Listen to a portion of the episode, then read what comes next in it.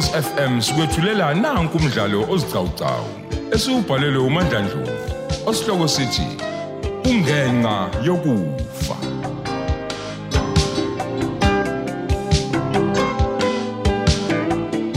Nasi isiqebu sethu samashumi amathathu nambili.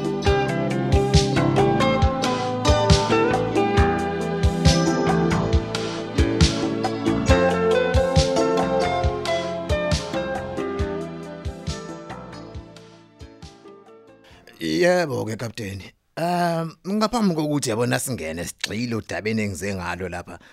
Ngizoqala uqala ngiyizethule kuwena uyabona. Mina ke ngingumseshi uduma.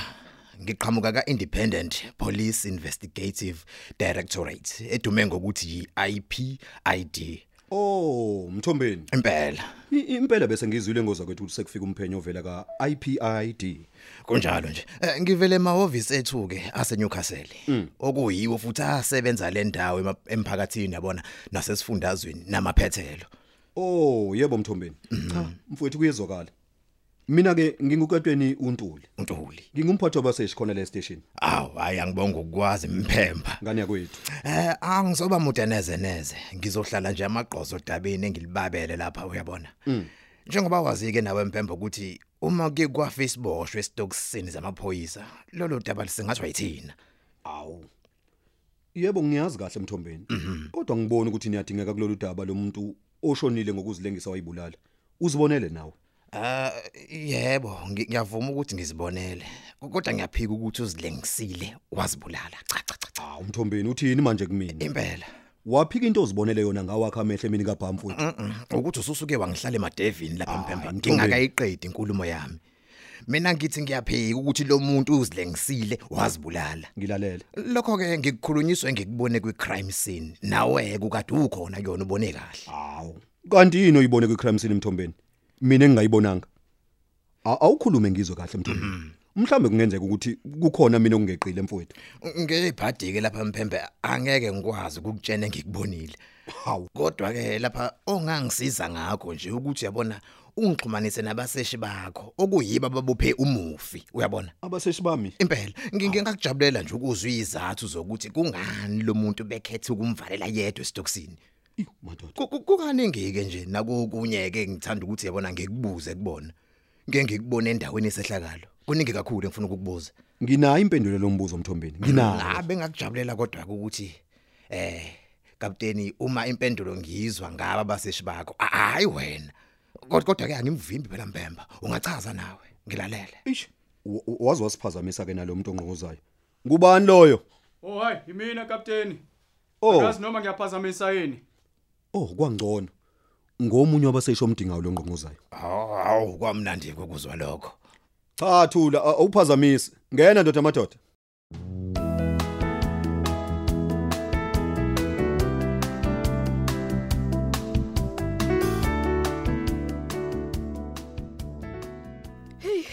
nakuba kade sithusene nje nosenzo futhi ngimsola kulento kokubulala uNomsa kodwa Eish, ya. ngikaze ngicabanga ukuthi ngasazibulala ephosindi Ey, hey, hey. kodwa ke mngani uyabona lokhu ukuzibulala kwakhe kuyizinkomba zokuthi wakwenza ngempela lokho ebengimsola Ayi, kukho ayi, manje ke ayi. usibese sisola Mhm, mhm. Ntombi, Ntombi, angiboni mina kanjalo. Ungixolele ngempela ke mawuthi mina angiboni ngalendlela obona ngayo. yini pho mngane ebingamenza ukuthi azibulale? Uma kuwukuthi akazi lutho nje ngokufa kaNomsa Hayi mngani, ukhumbule ukuthi njengoba siyabantu sihlukene o, sibhekana ngeendlela ezahlukene nezimo ezahlukene la emhlabeni. usho ukuthini ke ngalokho sinti? Ngisho ukuthi ukuzibulala kukasenzo kungenzeka ukuthi akuchazi kuyisola kwakhe. Ntombi. uchaza khona sinti. Eh, eh. yini enye pho ukuyichazayo Oh, mm, mm, mm, mm, mm, mm, Ntombi, uyabona yonke lento Ntombi akumele siyithathele phezulu. Idinga ukuthi siyikhiphele isineke. Mhlawumbe isizathu sokuyibulala kasenzo uzokwazi ukusiqonda mngani. hayi cha mina ngikuzwa nje sinti ukuthi uqonde phi nalenkulumo yakho Uyabona wena. Usenzo oh ubengazibulala ngenxa yokucasa ukuthi useze uyaboshwa ngempela uboshela into angayazi. Futhi ke nami nje ngisesicathulweni zakhe. Bengingacaswa ngokuboshela into engayazi. Oh, bese uyazibulala ke nawe. Noma ngingeke ngizibulale kodwa ke bengingacasuka nami. Mangiboshe into engayazi hayi ngeke nami ngibheke nesimo esinzima kanjena. Hayi ngiyamvumela. Hayi, ngiyakuzwa ke. kodwa ntombi mina ngicabanga ukuthi usenzo nje ube nokhwantalala kuyona yonke lento kwincindezi abebhekene nale. Selokwashona unomsa o. Yingakho ke nje kade sephuzana kangaka utshwala. Uyazi ke nawe isikhathi esiningi uma umuntu enokhwantalala uyazibulala o. Ungeke azazibulale pho. Ehene senzo. usenzo ubebhekene nezimo ezinzima ntombi. Kuningi obekumphula umoya nawe ntombi vele ubumphendukele nje usenzo. Hawu wajikela mina ke manje. Ehene cha ungixolele mngani. Abantu angiqondi umuntu ukujikela kodwa lalela la ngikhuluma iqiniso laziyo nawe. Wena nixabene nosenzo. Wabopha imthwalo walibhekisa kini anginjalo. Ngathi ngisababaza lokho wahlehlisa umshado futhi wena. Konke lokhu bengemnandi kusenzo. Uthe sethi wetshisa imjunju leyo nakho futhi useyaboshwa amaphoyisa. Yebo cha ngiyakuzwa ke sinto kodwa nami mngani bengeke ngishade nomuntu okade evele ngekhanda ezinkingeni hayi ntombi kusobala phela ukuthi usenzo ngisho ngathiwa bengishada naye ekugcineni ubezosibulala Eh? ngibe yini ke mina lapho ngibe umfelokazi ngimncane kodwa eqinisweni intombi lilonke nje nawe unesandla ekushoneni kasenzo lalela ke ehe uyabona ke manje ngicela ungayiqali ke nje leyo ngoba Oh. sizosixabanisa sisi hayi ke mngani ke Eh, ngiyezwa ngiyezwa mngani wami kodwa kubhlungu nje ukuthi usenzo kungenzeka angcwatshwe ngeweekend imngani okwakumele nishade ngayo.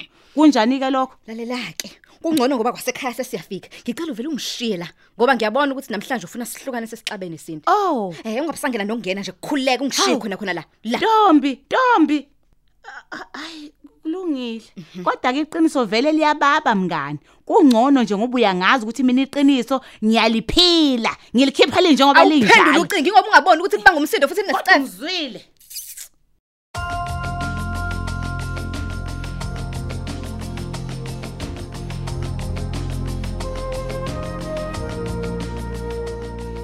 Hayi, kungcono ke mkamzala uma le ndoda enguthula igcina isifikile.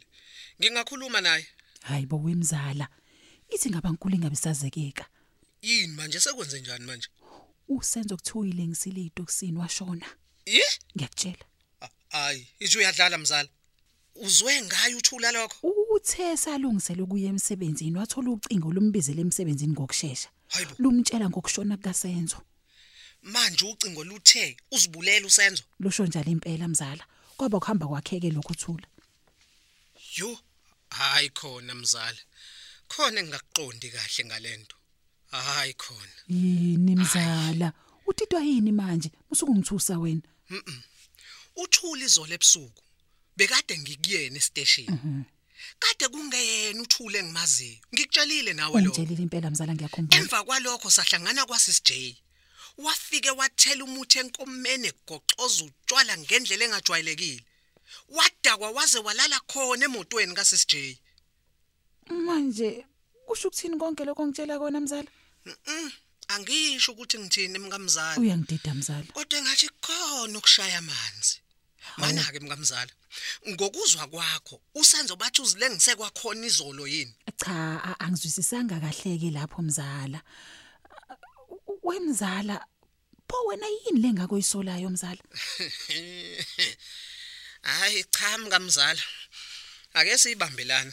Angifuni kusasa kuthiwa usidumo uthe wathi.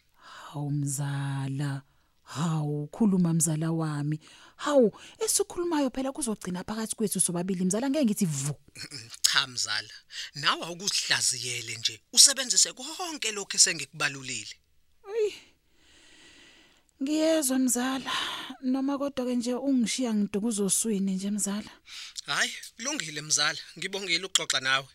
Ake sibambe lawo kwamanje. hayi kulungile mzala bye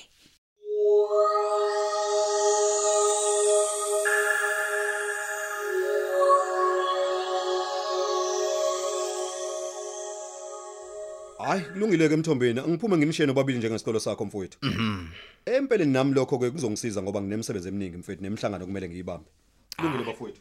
kulungile mbemba ngiyabonga nje ukungihlonipha kwakho uyabona ah njengoba kade sengizichazileke sayitshena ithusa ukuthi ngingumseshu uduma ovela ka-IPID ngiyajabula ukwazi.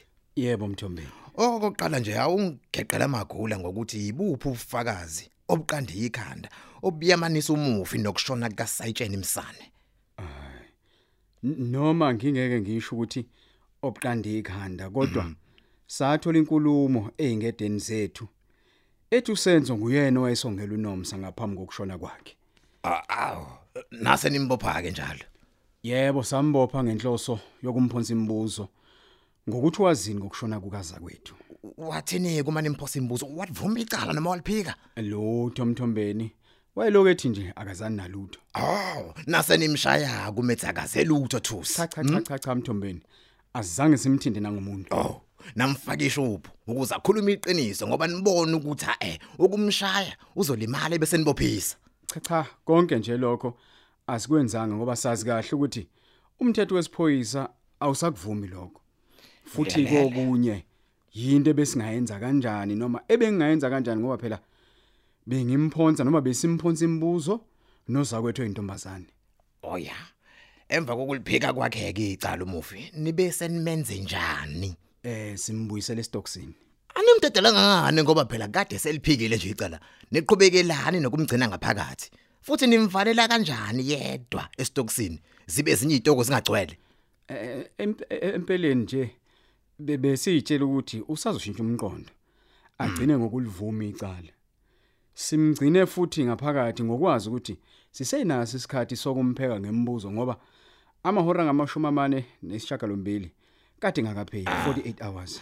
Kwase kusene ngasekho hey kunjalo mphemba uyazi ukuthi ubulewe ubani umufi uyafisa ukwazi sayitsheni noma vele usunalo ulwazi?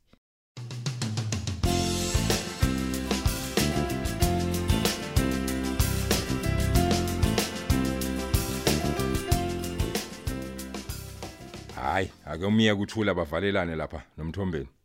Nathi siqalele la wethu umsebenzi. Ey ngiyakuzwa lokho Sticks mfowethu. Kodwa lo mbhemo wakaduma kungathi unekhanda eliqinile nje. Wena umaze ngumuntu onjani? vele udume ngalo ikhanda eliqinile Ayiliqinile. okunyeke futhi adume ngako uyabopha hayi uyabopha Usho. akalibheki iphoyisa mphemba ulijikjela phakathi nje umeke wathola ukuthi linecala inqobe yamaphoyisa engikhuluma ngikhuluma nje aphakathi ekhindini Eh, ngenxa yakhe udidilo basho njalo abamaziyo udumi duma Usho kanje mfowethu. njengoba ngisho nje mphemba uma kukhona ugcopho ekushoneni kwalomuntu yizwa ngami udidi kukhona zombopha noma kukhona azobabopha Wena ubona kanjani Sticks? Uzibulele lo senzo noma kukhona ukushaya amanzi? ay ungayikhathazi ngaloko mphemba yekela konke kudidi Ngiyabuza. uyo mfowethu. uzoqhamuka nazo zonke impendulo zalokho hey loya muntu umphenye obukhali uyayazi into ayenzayo ebengicela singene la embikweni wethu eh eh, eh, siyeke le ndaba kaDidi uyavuma mphemba Ey, qhubeka mfowethu. Nakuba ngisenaso isifiso sokuthi uma sesiqeda lokho esixoxayo namhlanje, uphinde ungitshele okunye ngalo mbhemo okuthiwa nguDD. ah ubala lolo mphemba ubala lolo Hayi, lalela ke mfethu imbike engiyiphethe la ihlukene kathathu right. ngiphethe umbiko kadokotela phecelezi postmortem Alright. kube ngowezibhamu ballistic bese kuba yilo wakho lo owawenza ngelanga lesigameko uvakashela indawo leyo kwenzeka kuyona isehlakalo Oh, hayi kulungile. Ngilalele mfowethu. udokotela ke uthi umufi wadutshulwa ngesibhamu esasiseduze kakhulu nekhanda lakhe kodwa singathintile ngokujwayelekileke uma umuntu ezibulala kuvamise ukuthi isibhamu asithintise lapho esuke efuna ukuthi kungene khona inhlamvu Ngiyakuzwa. lokho usuke kwenzela ukuthi eh, enze isiqiniseko sokuthi iyenzeka ngempela lento esuke ihlosile Ya, lokho ngiyakwazi Sticks. Kulungile mfowethu ungaqhubeka. Mhm, udokotela uqhubeka ukuthi kwakungekho ukusha nje noma ukushana nje duze kwenceba ngokuba eh umuntu uma e- e- ethinta isibhamu inqeba lizungezwa inhlayiya zokusha. Ya, yabona ke manje, it makes sense. Kwenza umqondo opheleleke manje. Hmm. Eh iphuze Qhubeka, lilandelayo lithi inhlamvu yangena ngasohlangothini lwesobunqele esikhaleni la enhlafunweni. Yaphuma ohlangothini lwesokudla ngenhla nje eh, kweso lwesokudla. Yeah. Lokho kuyadida ke mphemba. Ngoba ngophenyo lwami umufi ubesebenzisa isandla sokudla. Right. Umbuzo uthi wayengayidubula kanjani ngesandla sobunqele futhi wayengasijombisa kanjani isandla sokudla azidubule ohlangothini lwesobunqele. Ey mfowethu. Ey ngayithanda ke futhi lento mfowethu. Iyo ke kanye eqinisa ufakazi bokuthi wabulawa lo muntu mfowethu. Woza nazo Sticks. Uyabona ke manje zinonile ngizwa kahle. Eh, okunye kudokotela kusho lana mphemba ukuthi akukho insizi noma okusamlotha phecelezi prime residue okwatholakala eh, kuzo zombili izandla zika Nomsa. Lokho kusho ukuthi uNomsa akazange adubule ngesibhamu ngalelo langa adutshulwa ngalo. Ngalithanda futhi lelo iphuzu sticks. Uyabona? Kusobala konke ke manje. Kusho ukuthi unomsa wabulawa ngempela mfowethu. Manje umbuzo wami uthi wabulawa ngubani? Noma ngobani? Ungajahi impembe ungajahi. Ngiseza nombiko lana ovela kwi ballistic lo wayibham bese ngizogcina ngowakho. Wena nje engicela ukwenze awubeka indlebe ulalele. Be attentive. woza nendaba mfethu. Ivele indlebe icishe icijela ukuzwa ukuthi kwenzakalani?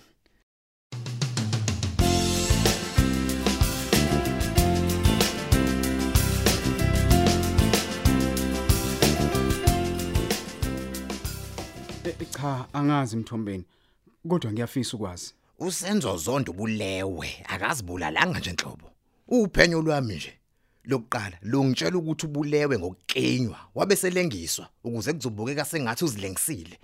Angazi noma uyangizwa lapho wena sayitsheni wami. Eh? Kunjalo kanti? Ngqo. Ubona kanjalo mthombeni? Kunjengoba ngisho nje akukho kunye ngakho ke umsebenzi wami onzima nje osangihlalele ukuthi ngenze uphenyo lapha onzulu lokuthi ubani leli iphoyisa noma nje ngithi ngubani lo obulela umufi wabe senza izaba zokudukisa umkhondo Ey ngiyezwa mthombeni. Yu. Engabukanike ngempela lo. hayi kanti ikhululeka nje lokho kuyekele kumina wena eh ngizolenza nje uphenyo ebese ke emve kwalokho kuyaqala ukuthi kuboshwane kulowo wenze lesehlo lesi. Eh hayi angiphele lapho sayitsheni thusi ngibonge nje kakhulu ngengxoxo yethu le nangesikhathi sakho. Sekusele ukuthi ngikhulume nosayitsheni uphindile ndimandeke manje. Thank you.